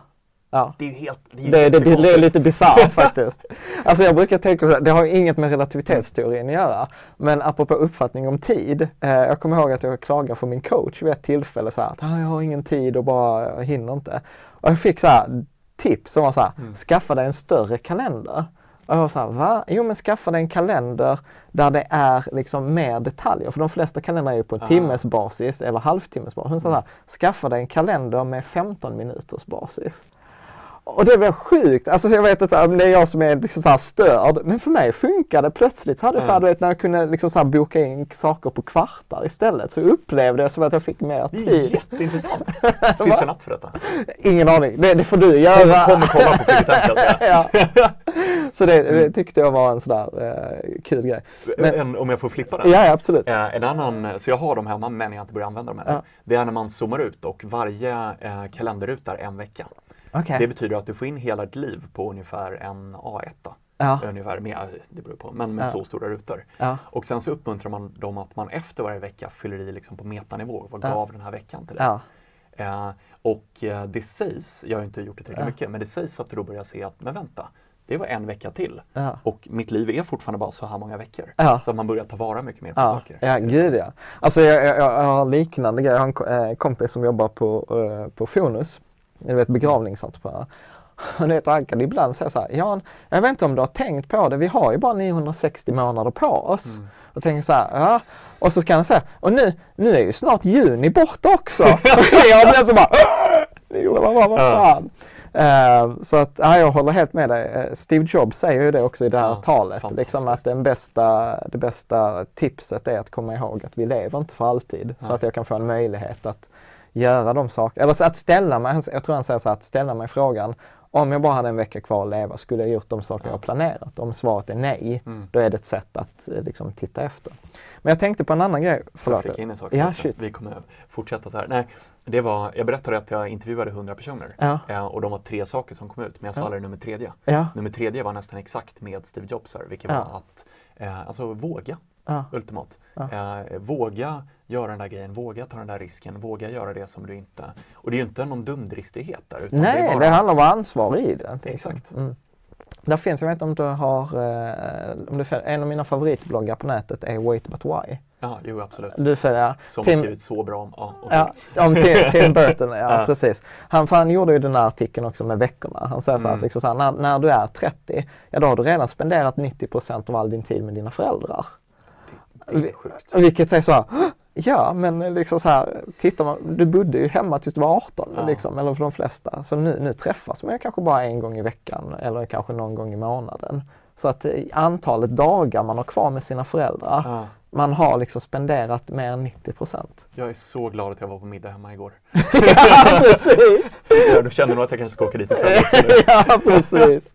precis. Vilken är din favoritartikel eh, på Wait But Why då? Eh, Den om eh, Fermi-paradox. Ja, det är precis samma. Ja.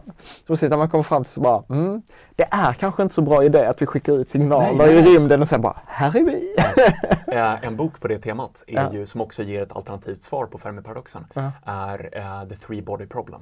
Okej. Eh, Den är skriven av en kinesisk science fiction-författare. Ja. Den är rätt tung, Ja. eh, men det är hard science fiction som det kallas. Men den just utforskar andra svar på Fermi-paradoxen.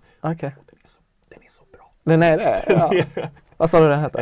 Eh, The Three Body Problem. The Three Body Problem. kommer Mm. från det matematiska just three body problem. Ja. Med att tre kroppar som roterar runt varandra med gravitation är nästan omöjligt att förutspå hur det rör sig. Nej, skit, eh, skitroligt. Verkligen så här, rekommenderas. Wait But Why om du inte varit inne på Starkt. den. Ja, eller hur. Eh, så vilket, eh, vilket område i livet är du inte så himla bra på? Oj, eh, ganska mycket om. Vad skit. Ehm, vad är jag inte så bra på? Musik är jag fullkomligt värdelös på. Jaså? Eh, jag har noll musikaliskt sinne. Jag kan ha ganska, jag uppskattar estetik väldigt mycket. Ja. Eh, taktilitet, färger, färgbalanser, sådana Ja. saker. Men musik, Det är så, ja. Ungefär för mig är det så här hantverk. Jag, Ja. det är så här, jag berättar för en kompis ringde, eh, så bara, helt stolt, bara så du vet vad Magnus, jag har satt min första plugg. liksom. Och så berättade jag berättade det igår, Freja hade avslutning på förskolan, så Ja. berättade jag det till ett par föräldrar som verkligen så här totalrenoverar sitt hus och de har liksom tre barn. Och så bara tittar jag på oss och ska jag så bara, men du vet vad, det där, det där har Nils gjort sedan han var tre. Ja. Då kände man sig bara så här, okej. Bygger du dina egna IKEA-möbler då? Eh, ja det gör jag. Det gör du? Det, har Ja, men det, det, det det, det, är liksom så här, det, då, är, då är det okej. Ja men bra. Eh, en, en annan lite så här också speciell fråga. Så finns det någonting som är sant för dig men som nästan liksom så här, ingen annan håller med dig om? Ja, en sak jag kommer på, men det är en ganska provocerande grej också. Ja, men shit, det är ju därför. Eh, jag hade inte varit främmande för att vi skulle ha typ sådär 95 arvsskatt. Eh, på, på belopp över, säg en miljon. Okej. Eller någonting. Den är, den, den är sjukt provocerande. jag, jag blir så här, varför? Jag vet.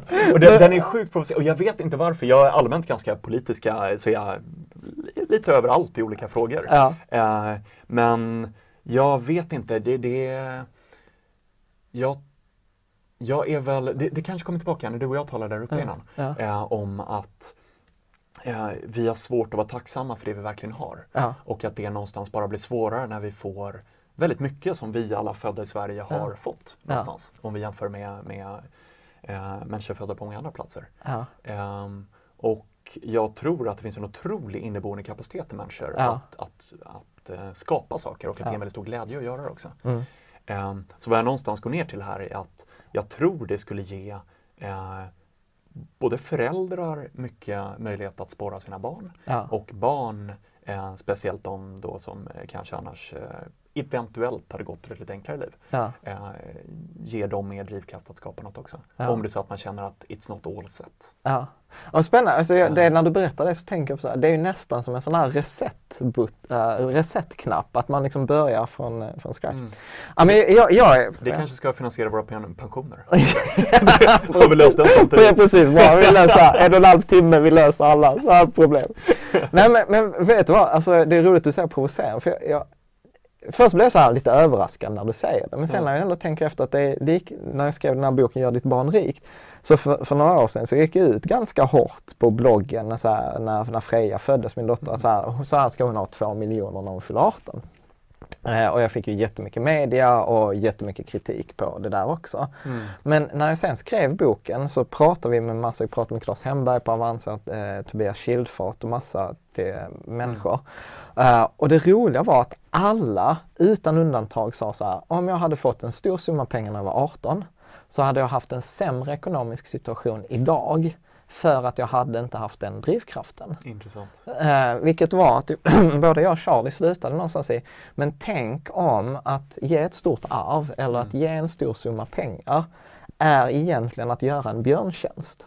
Att, Det är det jag jagar. ja men lite, jag, jag, hör, jag hör ju det så att jag, Mm. jag tycker inte idén är helt crazy. Mm. Eh, sa- samtidigt som jag så här, spontant så här, ge bort 95% till staten. jag, jag, tycker så här, jag, jag tycker man ska betala skatt men eh, jag vill ju liksom att det ska bli bra värden eh, för, för Mm. det där eh, också. Det är kanske en separat diskussion. Jag skulle gärna vilja vara inne och rucka på vad det går till lite. Ja, Sådana saker. pre- precis, Ja. precis. Men eh, 95% arvsskatt för att finansiera, eh, eller finansiera för att eh, ge något mer förmånliga förutsättningar för nya entreprenörer. Ah, gud ja. Ah, sign me in. liksom. Eh, Det ja. finns faktiskt, om jag får plugga en grej. Ja, ja, det kör. finns ett, eh, ett bolag som heter, och där tappar jag såklart namnet som jag ibland gör, ehm, Founders Pledge. Okej. Eh, där man egentligen, så du skriver rent konkret under ett avtal som säger att om du säljer ett bolag i framtiden eller får en väldigt stor avkastning på något så kommer jag ge bort x procent av det Ja. och du väljer hur mycket och det går rent till, du får välja väldigt där mycket vilken typ av charity eller mikrofinansiering. eller Men inte det, jag var med, jag var på så här Founders Alliance-träff, jag tror de pratade en så här 1% eller att man ger bort 1% av omsättningen eller 1% av vinsten. Precis. Eller, eller något sånt. Det finns, jag har själv pledgat eh, 5 där Ja. i mitt fall. Ja. Eh, så om, jag, om vi någonsin skulle sälja upp det eller vi börjar få en väldigt bra utdelning därifrån Ja. eh, så vet jag att 5 av det kommer hela tiden gå till charities eller liknande som Ja. jag tror på. Ja. Vilket Och känns vad, bra. vad, vad tror du på för charities då? Eller vad, vad, vad vill du? Ehm, jag gillar väl två, båda ändar av spektrumet. Eh, då menar jag dels det väldigt, väldigt enkla, vilket är att se till att finns det schysst eh, sanitet, eh, vaccin, Mm. eh, rent vatten, Mm. ehm, bevara natur lägger jag faktiskt någonstans i där också. Jag, menar, Ja. jag säger inte att det är enkelt på något sätt, Ja. men jag säger att det är så grundläggande. Ja. Eh, alltså grundläggande viktigt. Eh, och sen finns det många folk som gör jättemycket bra saker i hela mitten och sen är jag intresserad av den ultrahöga också. Ja. Vilket är att på olika sätt ehm, alltså facilitera väldigt, väldigt hög nivå av eh, forskning och innovation. Ja. Eh, och jag vet inte riktigt hur man bäst gör det. Ja. Men eh, ja, Coolt. Coolt. Nej, jag tror också att det är jätteviktigt. Jag, jag är ju på nivån till och med att jag säger att har vi haft turen att födas i Sverige Mm. eh, och vi har det liksom fantastiskt gott ställt så är det lite vår skyldighet Mm. att dela med oss. För att eh, även om jag är så här, liksom, jag är liberal och jag tror på allas Mm. möjligheter så har jag rest i länder där människor faktiskt inte har möjligheten. Och då Exakt. tycker jag liksom att man bör ge dem möjligheten så att de kan, Mm. kan få ta sina steg. Jag tänker också på, på en grej, jag var inne på din eh, Twitter eh, och eh, där har du delat, så här, om man skulle sammanfatta, det, du delar naturligtvis mycket om Opti, men sen har det ändå varit rätt mycket sådana här eh, TED-talks eh, som där vi så här, och mycket så här om lycka och närvaro Mm. och, och, och så här. Berätta, vad, vad, vad tänker du? För det är ändå så här typiskt, pengar är inte allt. Pengar är väldigt lite. Ja, Nej men eh, nästan som föregående fråga med så Mm. grundförutsättningar. Mm. Jag tror vi alla eh, bör kämpa efter en stabil ekonomi, både Mm. sett till sunda kostnader och eh, men goda investeringar. mm, Eh, men att även där komma ihåg att det inte är det som kommer göra oss lyckliga. mm, Eh, och jag tror det är en sån här, det är så treacherous, för någonstans vet vi alla om att pengar inte gör oss lyckliga. mm, Eh, men vi kommer nog dessvärre bara uppleva det först den dagen vi råkar få eh, arvet från föräldrarna på Mm. massa pengar. Mm. Eh, och helt plötsligt så inser vi att det var inte värt något, eh, för mina föräldrar är borta. Ja. Eh, så jag tror mycket på att lycka kommer inte utifrån utan lycka kommer inifrån. Ja. Och det är, det är vårt eget ansvar, inte att få lycka från andra, typ nu när Mm. vi ska gifta oss snart. Mm. Eh, jag, tror, jag gifter mig inte för att min blivande fru ska göra mig lycklig. Jag gifter mig för att eh, jag hela tiden håller på att bygga en lycka i mig själv Mm. som jag vill kunna dela med henne. Mm. Nej men precis, jag, jag, så, så säger mycket jag och Caroline också. Ja. Att, att eh, jag är ju liksom 100% ansvarig för min egen lycka. Men jag är också liksom leker leken, för det är bara en Mm. attityd, att jag är 100% ansvarig för hennes Mm. lycka också. Men hon behöver ju vara 100% ansvarig själv. Exakt. Liksom att, att det handlar liksom om att bygga på varandras. Mm. Ehm, och jag tror mycket att det handlar om att Shit vad vi har spårat ut från ämnet nu. Men att, eh, att, väl, att välja varandra, att inte vara gifta för att man har varit gifta i tio år utan att, alltså att vi, vi, vi delar den här vägen tillsammans för att vi gör varandra till bättre, Mm. bättre människor och Ja. att vi, vi, vi är lyckligare tillsammans än vad vi hade varit på egen, på egen del. Jag respekterade väldigt mycket min storebror när han gifte sig, så han är väldigt mycket äldre än mig. Ja. Eh, när han gifte sig för några år sedan. Och då sa de att, eh, verkligen i sitt, inte tal till varandra utan i själva vigselakten till Ja. så sa de att vi vet inte om detta kommer funka, men vi Ja. tror på det. Så Ja. vi börjar med att pröva det i tio år. Ah. Eh, och om tio år så kommer vi utvärdera detta. Ja. Eh, jag tror det var tio, det kan vara Ja. fem, men jag tror det var tio. Om tio år så kommer vi utvärdera detta och se om vi vill fortsätta. Ja, ja. Så. ja men det, det är skitkul. Om du skulle, vi var inne på det här Wait But Why, om du skulle rekommendera något TED-talk, vilket är så här, det som dyker upp i huvudet på dig? Eh, the power of vulnerability är ju väldigt bra. Ah, Ehm, att eh, det finns en styrka i att även våga vara sårbar. ah, Uh, vilket jag tror är viktigt att istället för att vi alltid försöker gå runt och vara så Ja. himla starka och duktiga och så. Att ehm, det finns en otrolig styrka bara i att vara sig själv, ja, eh, vara där och att inte försöka vara så mycket som man inte är. ja. någonstans. Ja men att vara, att vara det jag hör, tolkar in i det Mm. du säger, så här, vara autentisk. Yes. Att, eh, men blir det inte till och med så här, ehm, att det till och med blir, för jag kan ibland uppleva att jag har delat saker till exempel på bloggen som vissa säger shit det där hade jag aldrig skrivit om. Mm. Eh, och där jag tänker egentligen, jo men genom att det visar mig sårbar så blir jag egentligen starkare. Att det blir, alltså det blir Exakt. nästan en så här Exakt. tvärtom grej, att det är så få som visar sig sårbara. Ja. Så att om man väl vågar stå för den man är och att det blir nästan så här wow, du vet att det är så ovanligt. Men precis, Ja, för det är, ju, det är ju de här personerna vi är. ja, Och om vi går runt där ute och håller på att låtsas att vi är några andra. ja. Så jag är, jag är helt övertygad om att även om man är en människa som tittar på oss kanske inte ser det medvetet. Mm. Oh, Jonas han är så whatever. Så jag är helt säker på att man på något sätt känner det. Mm. Ehm, och speciellt man tillbringar mer tid med en person. Mm. Och jag vill ju att, apropå de här hundra personerna intervjuade, Mm. återigen, de människorna som jag börjar bli tillbringa mer och mer kvalitetstid med Mm. ska se vem jag är. Mm. Och att det även kan leda en, förhoppningsvis till en release i mig själv. Att jag inser att det är helt okej att vara mig själv. Att jag Mm. kan känna tillit till det. Mm. Precis, ja det är, det är jättekult. Apropå det vi, vi pratade om närvaro också så hade du också på, på din Facebook en, eh, också en, ett intressant citat som Mm. jag själv delar jättemycket. Men som väldigt, jag har inte sett det på någon, an, något annat ställe. Det var, du, du skrev det på engelska men om jag fritt översatt så är det så här. Det är mycket lättare att skapa sig sin framtid än Mm. att försöka förutspå den. Vad tänker du kring det? Eh, så på västkusten Ja. så har jag inetsat i ett berg som jag fick av en present faktiskt. Ja. Eh, typ eh, ja, tre gånger en halv meter eh, innästat just, Okej. inetsat just detta. Förlåt nu spann jag av igen. Ja. Eh, nej men vad jag tänker är, för mig var det faktiskt en Ja, utforskning. men berätta nu, berätta, hur kom det sig att det blev inetsat? Och när vi ändå är inne på det. Eh, nej, så jag satt och hade en lunch med en otroligt duktig entreprenör som heter Johan Jörgensen. Ja. Eh, och han beskrev just då ett projekt han hade som var egentligen mer utforskande sådär. Att titta på hur kan vi lagra saker riktigt långsiktigt. Ja. För ja, en hårddisk kan vi inte tala om. Ja. Eh, en CD-skiva bränt efter tio år. Ja. Och det som riktigt håller är att lagra saker i sten. Eller vissa magnetiska sätt om vi ska Ja. Eh, så han, de startade rent konkret upp ett bolag som jag tror heter Save in Stone, eller hette i varje fall, jag vet inte vad som Okej. var. Eh, och då frågade han mig just, de var på väg att starta detta och frågade mig om jag fick etsa in någonting. Ja. Eh, och jag visste att det skulle stå 10 000 år senare. Ja. Vad hade jag etsat in för något? Ja. Eh, och då just så, ja, så skrev jag detta. Ja. Eh, vilket då i, i mina ordalag på engelska just, Ja. jag det kan vi ta hela berättelsen Ja. istället, men If I can adapt to the future, I do not need to predict it. Ja. Mm. Om, för det var det du sa. Ja, ja, nej, men precis, precis. Eh, ja, och, och, och hur, hur har det påverkat ditt liv då? För det där är ändå liksom Mm. så en ganska, i brist på bättre svensk, profound. Alltså Mm. det är liksom så här, det där är verkligen en, en ansats, en attityd som kan skifta liv. Mm. Så hur, hur, alltså så här, hur kom du fram till den? För att de flesta föds inte med den. Nej, alltså jag började nog den jobbiga, felaktiga ändan. Ja. För jag, ehm, nej men apropå att vara ärlig, jag har garanterat under mitt, eh, speciellt högstadieperioden, tyckte Ja. att jag lite hade, jag hade garanterat högmod. Bara få, Ja. bara få Ja. out there. Ja. Eh, jag, eh, jag tyckte jag visste väldigt mycket och Ja. att jag var väldigt klyftig. Ja. Eh, sen hade jag turen att träffa många människor som visste mycket mer och var mycket, mycket, mycket Ja, klyftigare än mig. Precis. Man lär sig ödmjukhet. Det känner jag också så här skyldig. There's always a bigger fish. men nej, så, det, så jag har alltid funderat ganska mycket runt min attityd till livet.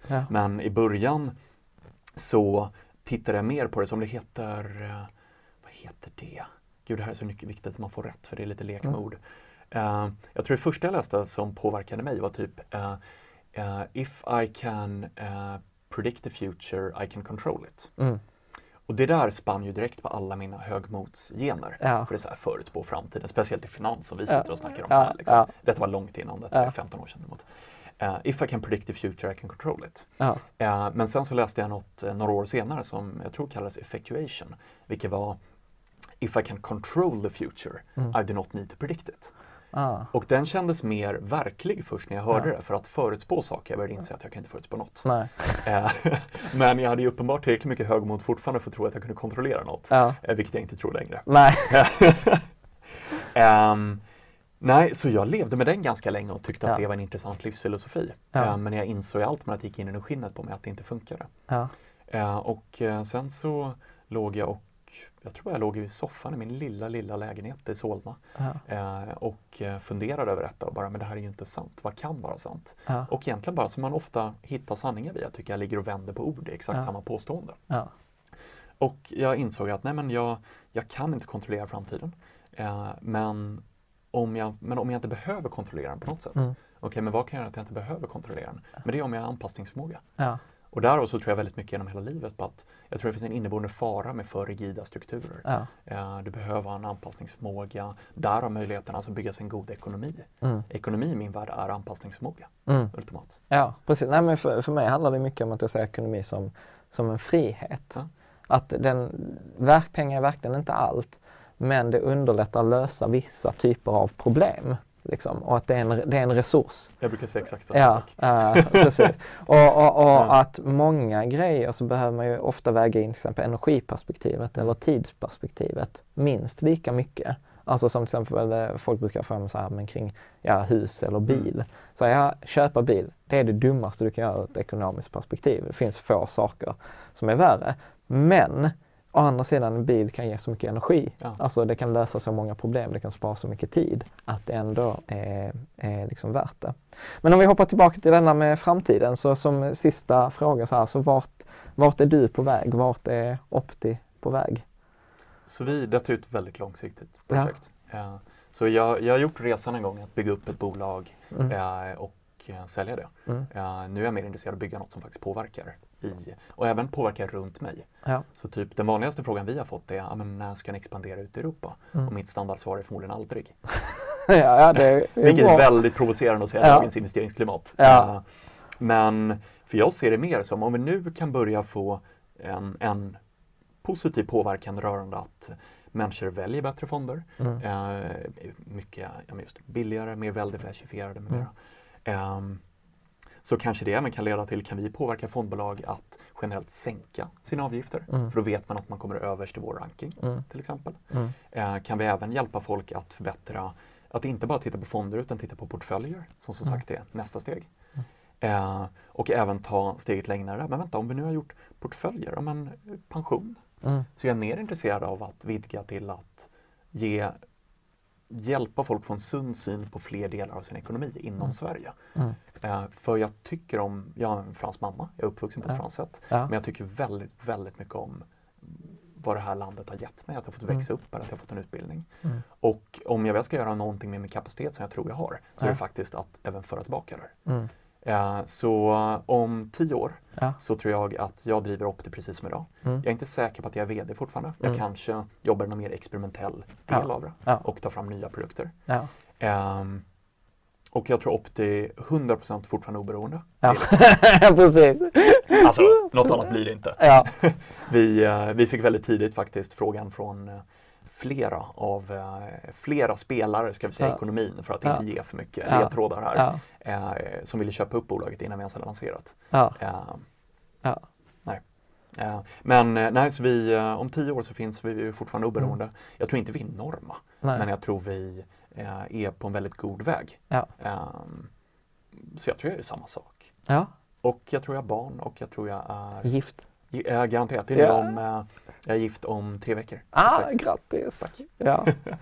ja, men tack så hemskt mycket eh, för en fantastiskt spännande intervju där Verkligen. tiden verkligen bara har eh, flugit. Eh, jag kommer göra så att jag kommer också lägga länk precis under videon och i artikeln så kan ni gå in och ladda ner eh, appen. Eh, än så länge så var den bara på iPhone så då ser jag det som en jättebra tillfälle för er som har Android, byt till iPhone.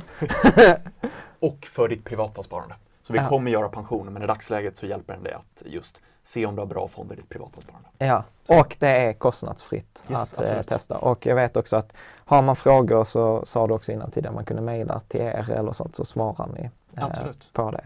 Eh, Jonas.opti.se om du skickar direkt till mig. Eh, eller hello.opti.se om du vill att alla ska se. Det är så här klassiska startup-adresser. Så här, heller, det är ingen så här kontakt utan det är något sånt. Snyggt. Speak like a human. Ja, precis.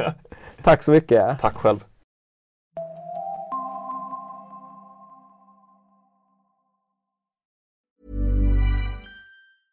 Mom deserves the best, and there's no better place to shop for Mother's Day than Whole Foods Market. They're your destination for unbeatable savings, from premium gifts to show-stopping flowers and irresistible desserts. Start by saving 33% with Prime on all body care and candles. Then get a 15-stem bunch of tulips for just $9.99 each with Prime. Round out Mom's menu with festive rosé, irresistible berry chantilly cake, and more special treats. Come celebrate Mother's Day at Whole Foods Market. Hi, I'm Daniel, founder of Pretty Litter. Did you know cats tend to hide symptoms of sickness and pain? I learned this the hard way after losing my cat, Gingy. So I created Pretty Litter, a health monitoring litter that helps detect early signs of illness by changing colors, saving you money and potentially your cat's life. Pretty Litter is veterinarian developed, and it's the easiest way to keep tabs on your fur baby's health right at home. Go to prettylitter.com and use code ACAST for 20% off your first order and a free cat toy. Terms and conditions apply. See site for details.